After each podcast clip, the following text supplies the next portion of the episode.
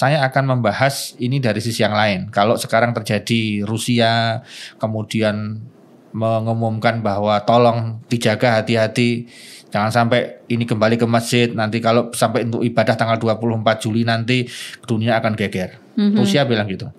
Ketika Muhammad Al-Fatih itu menaklukkan Konstantinopel itu tidak menyerobot semena-mena yang namanya Gereja, menjadi itu. masjid. Enggak, dia ngomong baik-baik. Walaupun dia pemenangnya. Loh, ini kalau kita bicara logika perang, yang namanya orang perang dan dia menang, dia punya kekuasaan dong. Betul. Mau tak apain terserah gue.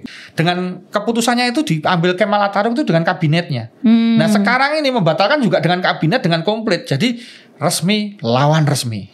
Dari Pak Mas Toyib ini kita belajar. Itulah pemimpin. Itulah leader. Dia harus punya gas dan berani. Resiko tak tanggung. Aku rawat di karo sapa-sapa. Iki nggon aku halalan Toyibah. Assalamualaikum warahmatullahi wabarakatuh. Hai, halo eh, teman-teman Vertizon TV. Apa kabar? Sehat semuanya? Eh, kita ketemu lagi hari ini di sebuah obrolan-obrolan seru di Vertizon TV podcast ya. Dan ada banyak hal yang bisa kita bahas dan Sepertinya lagi ada bahan-bahan yang lagi seru buat diobrolin karena ini juga cukup heboh dan menghebohkan dunia gitu ya. Jadi kita sekarang pengen cerita-cerita. Nah, ditemenin sama Ella Arlika yang akan menemani teman-teman podcastnya Vertizon TV sekarang dan ada Pak Ustadz. Assalamualaikum Pak Ustadz. Waalaikumsalam warahmatullahi wabarakatuh Mbak Ella. Alhamdulillah hari ini kita bersama Vertujan TV Podcast. Kembali lagi kita akan membahas apa Mbak Ella? Kita mau ngebahas ini Pak Ustadz. Oke. Ini lagi heboh banget Hmm, gitu karena memang ada sebuah museum yang dulunya Hmm. gereja, Hmm. pernah beberapa kali jadi gereja, lalu Hmm. jadi masjid, Hmm. jadi museum dan Ya. sekarang kembali di apa alih fungsikan lagi menjadi sebuah masjid Hmm. oleh Presiden Turki Erdogan. Hmm. Nah, cukup lumayan heboh ini karena ada Hmm. beberapa konternya dari beberapa negara juga tentang dialihfungsikannya Hagia Sophia Hmm. sebagai eh, dari museum menjadi masjid lagi Ya. gitu. Saya akan memulai pembahasan ini dari hadis riwayat Ahmad ya. Mhm. Jadi dalam hadis riwayat Ahmad disebutkan Rasulullah SAW pernah bersabda bahwa kamu pasti akan memenangkan, menguasai Konstantinopel, Mhm. Turki ya, dengan pemimpin terbaik Mhm. dan dengan pasukan terbaik. Hadis Soheh riwayat Ahmad. Nah dari hadis ini kalau kita lihat itu hadis ini berlakunya itu tidak hanya berlaku masa itu. Dia Mhm. berlaku itu menurut saya forever. Tidak ada hadis itu kemudian out of date itu tidak ada. Hmm. Jadi hadis itu kalau seakan-akan menerangkan tentang masa lalu, dia akan terulang di masa yang akan datang. Mhm. Jadi intinya sejarah itu pasti berulang, Mbak Ella. Nah, kalau ini ditafsirkan waktu yang eh, apa menaklukkan pertama kali kan pasukan terbaik, tentara terbaik, panglima terbaik. Panglimanya kan anaknya Mas Andi, namanya Muhammad Fatih yang disebut dengan Mahmed II, Mhm. gitu kan. Nah, panglima ini kan terbaik. Nah, kalau kita lihat konteks ini berarti hadis ini sudah tidak berlaku lagi. Masih berlaku. Insya Allah masih berlaku. Kenapa? Karena sejarah itu berulang. Nah, kalau kita lihat perang zaman Al-Fatih dulu itu perangnya menggunakan kuda, menggunakan tombak, menggunakan senjata yang waktu itu ada termasuk menggunakan kuda terbaik, kuda pilihan dan pasukan pilihan. Mhm. Nah, perang sekarang sama dengan sosmed, dengan teknologi, dengan Mhm. kecanggihan dan dengan kekuasaan. Mhm. Nah, makanya kenapa kita kalau milih pemimpin, pemimpin apa saja termasuk pemimpin rumah tangga, enggak usah jauh-jauh ke presiden deh. Sekarang memilih pemimpin rumah tangga itu kalau nggak bener selesai semua kok. Betul nggak? Hmm. Sebagai pemimpin rumah tangga sholatnya enggak, ngasih gaji enggak, pokoknya pemimpin yang nggak beres itu bikin istri nggak beres, anak nggak beres, keturunan nggak beres, forever selamanya Hmm. pilihan salah, maka hidupnya akan berubah drastis. Wanita-wanita yang memilih suami salah, maka dia akan kehidupannya berubah menjadi sengsara. Begitu pula wanita yang tadinya sengsara kemudian bertobat dan memilih pria yang terbaik sesuai dengan Allah dan Rasulnya, maka dia akan berubah hidupnya. Nah, jadi pemimpin itu penting sekali karena pemimpin itu nanti akan membuat banyak hal dan menjadi panglima perangnya dalam tanda petik perang yang mungkin berbeda. Nah, kita akan kembali dalam hadis itu tadi. Jadi ketika itu Mbak Ella, saya akan membahas ini dari sisi yang lain. Kalau sekarang terjadi Rusia kemudian mengumumkan bahwa tolong dijaga hati-hati jangan sampai ini kembali ke masjid nanti kalau sampai untuk ibadah tanggal 24 Juli nanti dunia akan geger. Mhm. Rusia bilang gitu. Kemudian nanti juga eh, UNESCO juga mengingatkan. Kemudian juga mohon maaf ya eh, pemimpin tertinggi di Vatikan ya eh, Paus Pak Paus gitu kan itu juga sudah memberikan keprihatinannya. Saya prihatin kenapa Hagia Sophia sekarang Menjadi masjid lagi, gitu. kan. Nah, ini yang menarik begini ceritanya. Dulu memang kalau kita lihat sejarah nanti silahkan dibaca. Betul. Di situ bahwa memang pertama kali itu kan Bizantium. Mhm. Ya, Bizantium yang sangat besar yang kemudian membuat gereja, katedral ya, ada gereja lah, bangunannya ke gereja. Nah, kemudian yang harus kita apa namanya? kita sadarkan, sadari bersama bahwa ketika Muhammad Al-Fatih itu menaklukkan Konstantinopel, itu tidak menyerobot semena-mena yang namanya Gereja, menjadi itu. masjid. Enggak, dia ngomong baik-baik. Walaupun dia pemenangnya. Loh, ini kalau kita bicara logika perang, yang namanya orang perang dan dia menang, dia punya kekuasaan dong. Betul. Mau tak apain terserah gue. Mhm. Kadang gitu kan. Bahkan bahkan mohon maaf ya, beberapa tawanan bisa menjadi hamba saya budak ya. Yuk menjadi milik saya. Itu haknya. Haknya dari yang menang. Itu memang di mana-mana ya gitu kan. Namanya perang menang ya saya nggak jauh-jauh lah bagaimana Timur Timur ketika dia di referendum kemudian selesai dan akhirnya menyatakan bahwa Timur Timur berdiri sendiri sebagai negara keluar dari Indonesia aset Indonesia menjadi milik siapa Timur Timur lah Hmm. kecuali yang sudah bisa diselamatkan dibawa pulang sebelum terjadinya referendum atau sudah akhir itu. Ya ada yang dibawa pulang, tapi kan lebih kepada mungkin material uang dan sebagainya, tapi bangunan dan semuanya milik Ya, siapa? Di sana. Timur Timur. Iya, karena lokasinya di- mau dipindahin Nah, juga jadi- bisa bawa Bandung Bondowoso. Nah, jadi kita bicara logis dulu lah Iya, iya, bahwa iya. pemenang perang itu punya hak. Di mana-mana silahkan dikonfirmasi ke mana-mana sama. Betul, betul. Cuma Muhammad Al-Fatih ini keren luar biasa. Dia punya akhlak yang luar biasa patut kita tiru. Itu bangunan Mbak Ella dibeli sama dia. Hmm. Dibeli, saya beli. Sertifikatnya ada, kwitansinya ada dan sekarang diarsip di arsipnya negara. Ini kenapa pemerintah Turki di bawah Erdogan ini berjuang sampai 16 tahun lamanya Hmm. untuk mengegulkan kembali menjadi masjid. Karena ada sertifikatnya, karena sudah dibeli. Nah, bagaimana Pak Ustadz? Kenapa kemudian dia berubah ya ke apa namanya menjadi museum? Betul. Jadi ingat ya, ke- jadi jadi gereja Dari berubah gereja. menjadi masjid. Betul. Dari masjid berubah men- bukan menjadi gereja lagi loh ya, dia menjadi museum, museum. ya. Nah, siapa yang buat jadi museum? Inilah pemimpin itu penting. Ketika pemimpin dipegang oleh siapa namanya eh, itu Kemal Kemal Ataruk itu itu super sekuler. Naudzubillah min dalik. Itu super sekuler. Itulah yang kemudian menghancurkan Kesultanan Utsmaniyah itu. Itu dia habisin itu. Ya, dan dia kemudian berkolaborasi, mohon maaf ya, dengan beberapa negara-negara luar untuk kemudian menumbangkan. Bahkan utang Turki itu mulai muncul ketika Kemal Atatürk ini. Hmm. Maka Turki nggak bisa berkuasa, berdaya karena banyak utang. Makanya tolong yang banyak utang hati-hati kayak negara nanti nggak bisa berdaya. Waktu itu Turki begitu. Jadi ketika Kemal Atatürk ada, negara-negara luar itu, wah, kamu mau tak kasih utang yang banyak. Mhm. Nah, ketika nggak bisa nyaur, nggak bisa melunasin, dia nggak bisa apa-apa. Kebijakannya termasuk kamu rubah itu yang namanya masjid jadi museum. Biar nggak terla- nggak langsung terjadi apa pertumpahan darah. Karena tahu kalau dari masjid digeram di gereja, oh, bisa geger itu. Karena Betul, apa pun betul. itu Turki negara Muslim, meskipun Apalagi dulu, ya, hmm. dulu awalnya gereja, Iya, iya, gereja itu- ke masjid, ke gereja lagi, wah ribut lagi ribut nanti. pasti. Oke. Dan ributnya lebih parah itu. Bisa jadi perang salib seri selanjutnya. Nah, kemudian dibikinlah museum. Ini atas usul orang-orang yang sekuler, tahu sekuler. Jadi Turki itu dulu sempat ketika negara sekuler itu, itu teman saya sempat cerita karena dulu pernah tinggal di sana. Itu di bulan Ramadan itu biasa seorang muslim itu di sini bawa tasbih sebelah kiri kanannya makan minum biasa. Astagfirullah. Itu ada, dulu ada. Mhm. Dan mereka betul-betul memisahkan antara negara dengan agama.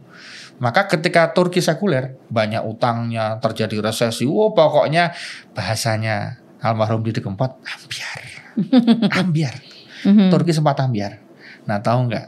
Ternyata, eh ternyata ketika pemimpinnya dipilih benar, ya, makanya ini pilih, pil- pentingnya memilih pemimpin, memilih ketua RT, memilih ketua kelas, memilih general manager, memilih direktur utama, memilih komisaris utama, Mhm. memilih ketua MPR, ketua DPR, termasuk presiden, memilih kepala rumah tangga, itu sangat signifikan. Ya, sangat signifikan. Nah, ketika terjadilah kepemilian dan memenangkan Tayyip Erdogan sebagai presiden. Mhm. Tahu nggak Turki itu tadinya sebelum dipimpin beliau itu menjadi negara dengan utang terbanyak di seluruh Asia dan Eropa. Hmm, wow. Keren kan? Sekarang? Nah sekarang Turki itu menjadi negara nomor satu pertumbuhan ekonominya se-Eropa. Itu kan masuk Eropa Turki itu. Iya, iya, iya. Ter- Tertinggi, tertinggi ya. Luar biasa kan? Bahkan negara-negara yang lain itu tersalip sangat jauh sekali. Ternyata apa rumusnya? Ini, ini penting rumusnya. Rumusnya itu adalah Pak Presiden ini itu memberikan gerakan subuh nasional. Jadi ada gerakan subuh nasional karena menurut informasi hadis yang dipegang kuat oleh Pak Tayyip Erdogan sebagai presiden ini, kalau umat Islam itu sudah jamaah subuhnya seperti jamaah Jumatan, Mhm. maka keberkahan Allah akan turun dan dia akan menjadi pemenangnya. Maka kemudian di era beliau itu subuh nasional, subuh berjamaah digalakan luar biasa, bahkan peraturan-peraturannya mengarah kepada syariat Islam. Hmm.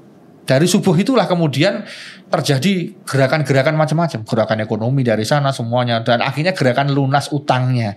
Maka Turki susah dihancurkan oleh negara lain karena nggak punya utang. Betul, nggak Jadi- nggak ada yang bisa masuk, nggak ada Nah, yang bisa dulu dulu ada negara lain. Jadi saya tanya, ada tanya teman saya yang ahli ekonomi itu, sebuah negara tanpa utang itu hampir tidak bisa diintervensi dalam bentuk apa pun oleh Ya, negara betul. lain. Nah, dulu Amerika Serikat mohon maaf itu sangat susah sekali menghancurkan Irak.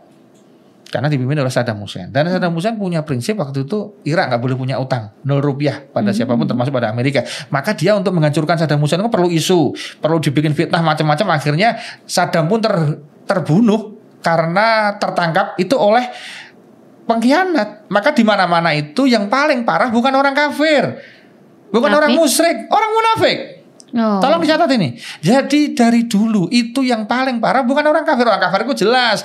Kita muslim dia kafir. Selesai. Ya kan? Mhm, mhm. Jelas. Lakum dinukum baliatin. Orang musyrik sudah nggak usah dibahas. Dia neraka adresnya. Dia pasti neraka. Kenapa? Karena posisinya kalau dia nggak tobat sama Allah nggak terampuni. Karena dosa terbesar dan susah diampuni oleh Allah adalah musyrik. Mhm. Dan musyrik kan seringnya kan ke sana kemari ke hutan ke gua-gua ke mana dia pokoknya menyembah selain Allah kan. Efek rugi bagi Islam itu kecil. Walaupun ada, pasti ada ya. Mhm. Kafir dan musyrik itu efek bagi Islam ada. Tapi efek dari munafik itu, wah itu luar biasa dasarnya merusak Islam. Betapa perjuangan Islam itu banyak gagal atau ada gagal Karena orang-orang karena munafik. orang-orang munafik. gitu. Jadi casingnya Islam dengan Islam kelihatannya manis bagus ternyata menusuk dari belakang, membocorkan rahasia orang Islam kemudian diseranglah orang Islam dari orang luar gitu. Nah ternyata betul terjadi ketika itu. Jadi Saddam itu berhasil dari orang termasuk Osama, Osama bin Laden yang tidak tahu kebenarannya dia ya apakah dia yang betul-betul Hmm. menghancurkan apa gedung itu kan sampai hari ini belum ada rilis resmi dari apa ya Atau isi- cuman isu hoax Ah, yang iya kan nggak disebarkan. ada gitu tapi ya. apa pun itu Osama bin Laden itu kan di, dikejar nggak bisa ketemu tahu nggak ketemunya setelah ada pembocor dari dalam. Jadi pengkhianat lagi Mbak Ella. Hmm. termasuk Presiden Libya Muammar Gaddafi. Keren sekali itu.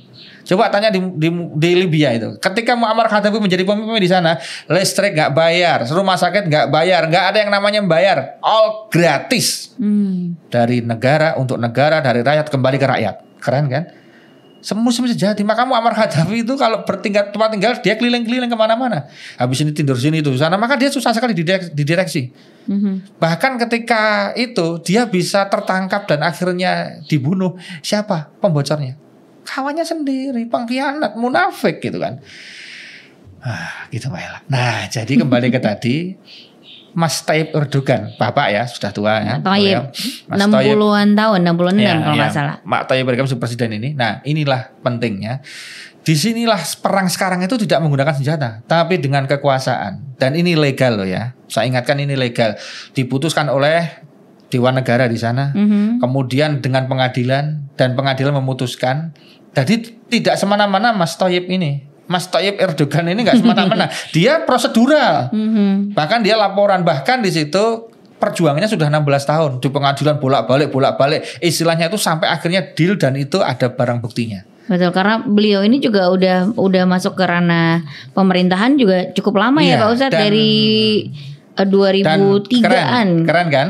Mohon maaf ya, kalau kita pernah membaca atau mengamati atau mendengarkan YouTube-nya Mas Erdigu, Mardigu itu, Mhm. nah itu kan beliau mengatakan dari semua pejabat yang jatuh itu rata-rata ada intervensi dari luar.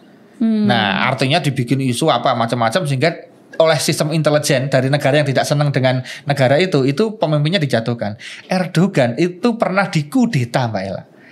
Ketika dikudeta itu, tahu nggak? Kudeta itu akhirnya gagal hanya gara-gara apa? Azan. Azan. Kok bisa? Iya, jadi ketika ada kudeta, kemudian orang-orangnya Erdogan itu mengumandangkan azan di mana-mana. Akhirnya yang kudeta ini menjadi mikir, oh iya, aku cuma diperalat aku beberapa sadar akhirnya gagal.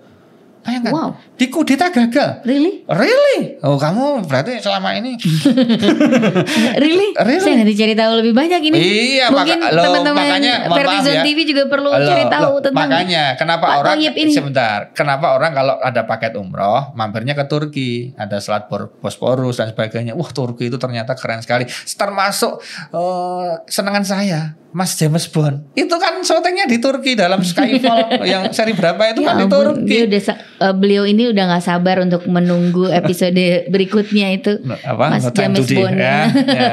November insya Allah.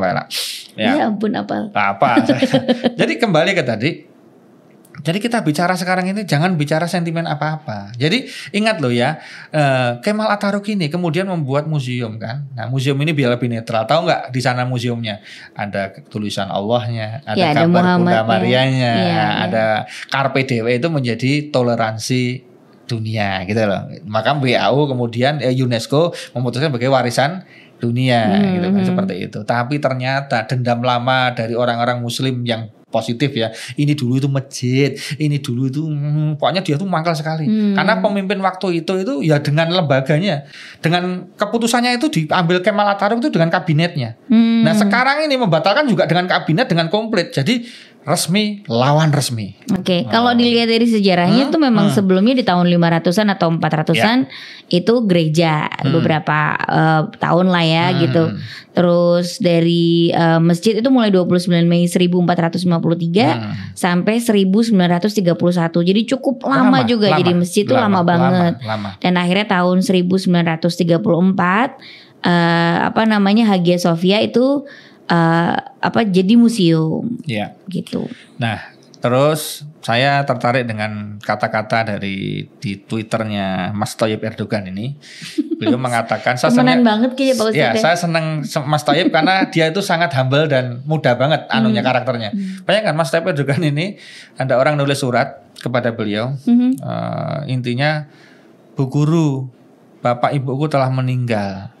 Dulu diserang pada waktu eh, ada serangan-serangan gitu, Bapak Ibuku telah tiada, menjadi syahid lah istilahnya. Mhm. Aku nggak punya orang tua lagi, Bu Guru.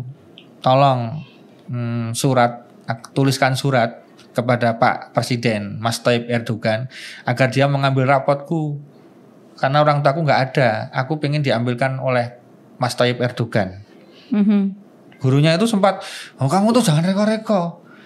Kamu itu jangan mengambil Pak Kepala aja udah bagus. Kok kamu presiden, Pak Wali Kota aja udah keren kok, Pak, Mhm. Pak Presiden. Tolong Bu Guru, ini Bu Guru ini ya daripada anaknya nangis ya udahlah. Ini tak tulis, tapi nanti saya nggak tanggung jawab loh ya, dibaca Mhm. atau tidak, di atau Ya tidak. wes, Suratmu nanti sama Mhm. bagian protokol itu diagendakan atau tidak, saya nggak saya nggak tanggung jawab, tapi tak tuliskan. Tulislah suratnya, dikirimlah secara prosedur, masuk ke bagian umum protokol negara dan sebagainya. Lama itu suratnya, akhirnya sampai juga. Karena orang sana takut sekali, itu amanah kan, Di- dibaca sama Mas Tayyip Erdogan. Begitu dibaca, langsung diparani. Besok aku yang ngambil rapotnya. Wadidaw. Serius Wow. itu? Serius? Iya, real terjadi. Bahkan yang cukup keren, ada di Turki itu ada orang mau bunuh diri Mbak Ella. Nggak tahu karena mungkin habis putus cinta atau apa atau di PHK nggak tahu. Mhm, mhm. Pokoknya dia mau bunuh diri, mau terjun ke ke, ke jembatan gitu kan. Di jembatan, jembatan besar di sana gitu kan. Nah, kemudian ro- rombongan presiden ini lewat gitu kan. Nah, terus beberapa berkerumun melihat itu kan. Mas Tayyip ini spontan, apa itu? Coba berhenti dulu. "Ah, Kenapa itu? Ditanya, lihat. Terus ajudannya suruh cari informasi. Wah, Pak Presiden itu mau bunuh diri itu. Ya, oke, saya ke sana. Sa- sampaikan pada dia, saya akan membujuknya. Jadi dibujuk akhirnya mau. Nggak jadi bunuh diri. Presiden mana ini kayak gitu susah sekali kan carinya nah makanya makanya Seribu satu. Iya, makanya di sinilah pentingnya menjadi punya kekuasaan. Makanya jangan heran, kenapa sih rebutan jadi presiden? Lo Ma- bisa ngubah tadi loh, Iya, museumnya iya, betul, itu loh. Ini presiden itu pentingnya di situ. Kenapa kak? Kenapa ya kalau ada pilpres itu rebutan? Ya memang kekuasaan itu lezat ya. Bisa membuat A jadi B, B jadi A itu ya kekuasaan. Tapi kan, tadi kan bahasanya itulah pentingnya kekuasaan. Maksudnya yang dimaksud oleh Pak Ustadz adalah pentingnya tuh harus seperti apa Pak Ustadz? Ya Karena gini, kayak gini. tadi kan ya, ya contoh yang kan paling legit sekali ya. Yang paling real Jadi- begini, yang paling real begini. Itu kalau ada perjudian miras, ambil contoh di sebuah kota, Mhm. ada tempat prostitusi, ada tempat mesum, ada tempat yang nggak karu-karuan. Oke? Mhm. Nah, ketika Anda menjadi ustadz tok, ustadz tok loh ini. Ini paling banter bisa memberikan instruksi pada wali kota, bupati, gubernur, menteri, presiden. Tolong Pak, di sana itu begini, gitu kan? Ya tergantung pemimpinnya kan. Kalau pemimpinnya pas hatinya Mau ya. bagus, ya oke. Kalau enggak kan susah. Tapi coba ketika kita jadi pemimpin tapi soleh. Bayangkan ketika seorang wali kota, bupati, gubernur, menteri, presiden hafid Quran, ya, sholat subuhnya di selalu di masjid, tahajudnya nggak pernah putus, duhanya selalu keren, sodakonya luar biasa, umrohnya rutin, ngajinya nggak pernah putus, wah mujahadah, tahlil komplit, yasin dan lain-lain, dia menjadi amalnya bagus, itu sensitifnya ada. Dan itu nggak usah presiden ya, wali kota aja udah bisa, bupati aja, ada perdanya. Pokoknya saya nggak mau tahu. Besok untuk perizinan yang ini ini ini sudah saya stop. Selesai tahun ini sudah selesai izinnya nggak akan saya keluarkan lagi. Atau saya jemput sekarang. Pokoknya saya pengen di sini tempatnya tidak untuk maksiat seperti ini. Kamu boleh buka restoran tapi nggak ada karaoke mesumnya. Karaoke karaoke keluarga nggak ada karaoke mesumnya. Kamu boleh jualan minum jualan minuman keras tapi minuman yang lunak. Jadi pentingnya jadi seorang pemimpin adalah Iya. untuk eh, menegakkan ke- kebaikan, keadilan. Iya. Iya. Eh, sesuatu yang baik dalam Islam misalnya dan, gitu ya, dan, dan itu luar biasa pokoknya gue nggak mau tahu gimana caranya kamu kamu para menteri semuanya para orang-orang yang di BUMN dan semuanya kamu harus beruntung. Untungmu itu untuk membayar rakyat kemudian listrik nggak usah ada bayar sekolah nggak usah bayar Amin, ya kesehatan nggak usah bayar. Amin, ya semuanya kamu selesaikan dari untung-untungmu. Ya kalau kamu nggak untung tak pecat tak ganti yang bisa menguntungkan itu. Oh, Amin, ya- tapi saya ustadz loh ini. Maksudnya begitu. saya aminin ya. ya. amin ya Ini kan? kayak kita berdoa loh Pak Nah, Ustadz. betul betul. Loh, Energinya. loh, itu kan luar biasa kan nah walaupun nanti apa pun itu tapi gas itu penting. Karena orang nomor satu itu segala-galanya mbak Ella. Dalam konteks segala-galanya itu dari situlah bermuara.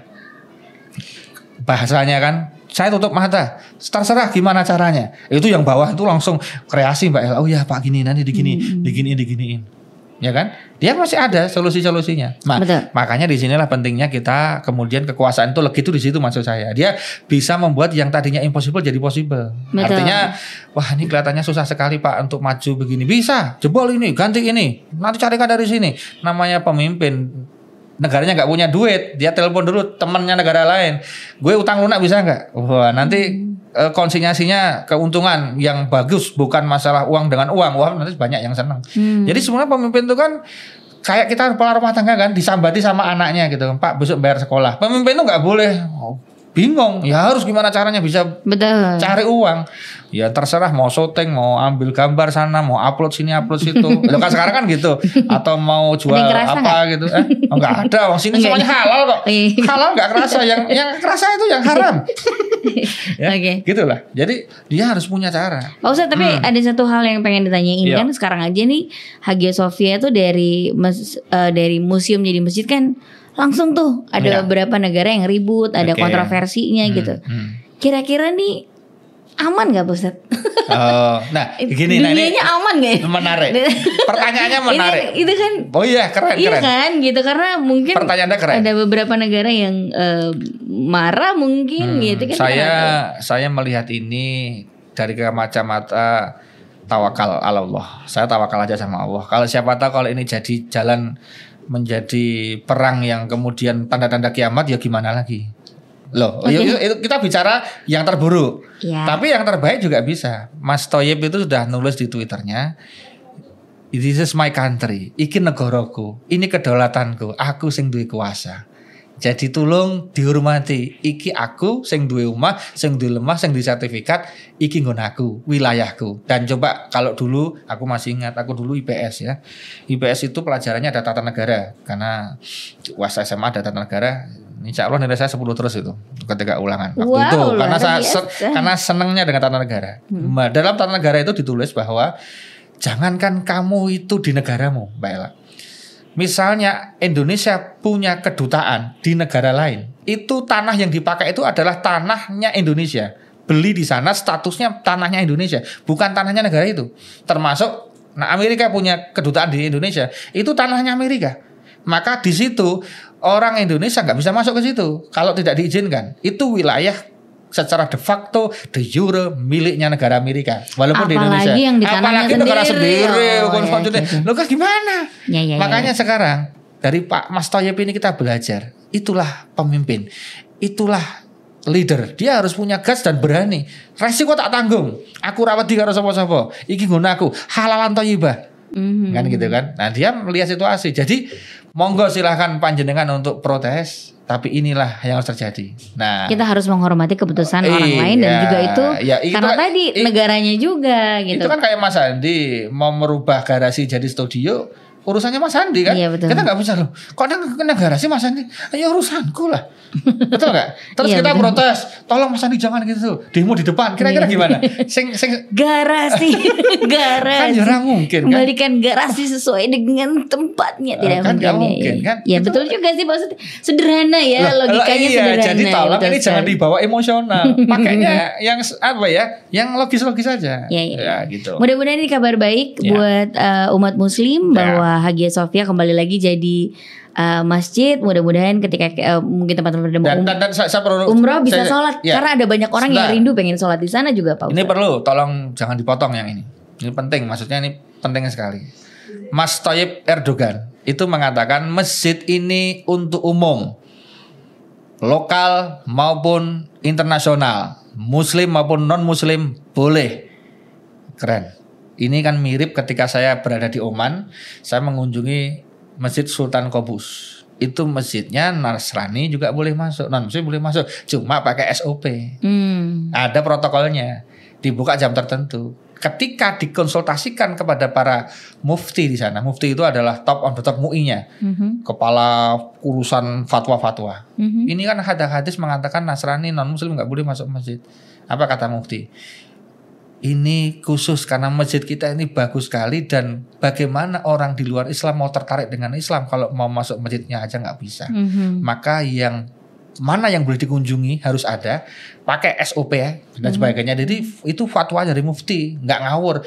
Termasuk Mas Toyib ini nggak ngawur keinginan pribadi beliau Jadi masjid terus yang lain nggak boleh Enggak, masuk gitu iya, Pak? dan Enggak itu ya. sudah dikonsultasikan dengan semua dewan termasuk dewan syariahnya di sana itu sudah keren sekali maka jangan khawatir masjid nanti yang akan diresmikan insya Allah tanggal 24 nanti untuk sholat jamaah yang pertama kali itu bukan bermaksud untuk eksklusif dan menunjukkan Islam itu apa namanya tidak toleran bukan itu justru toleransi dari sana ini mengembalikan fungsi aslinya Mhm. dulu sempat menjadi masjid, Masjid. cukup lama Cukup lama, Nah, cukup lama. Tadi itu. sat- satu mm, li- empat lima berapa sampai dengan satu sembilan gitu. Jadi Hmm. sekitar lima ratusan tahun jadi masjid ya, gitu. mohon maaf ya, lebih spesifik lagi kalau kita bicara itu, itu kan wilayahnya banyak Muslim juga. Ya. Kita kalau tinggal tempat yang mayoritas Nasrani, kita mau bikin masjid, pasti izinnya ditolak. Alasannya kamu berapa gelintir Muslim? Hei, kami 10 pak. Oh 10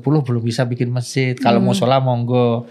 Sama dengan Nasrani ketika mau bikin gereja ditanya dulu berapa jumlahmu di situ, ada gereja terdekat nggak? Pasti begitu. Adil.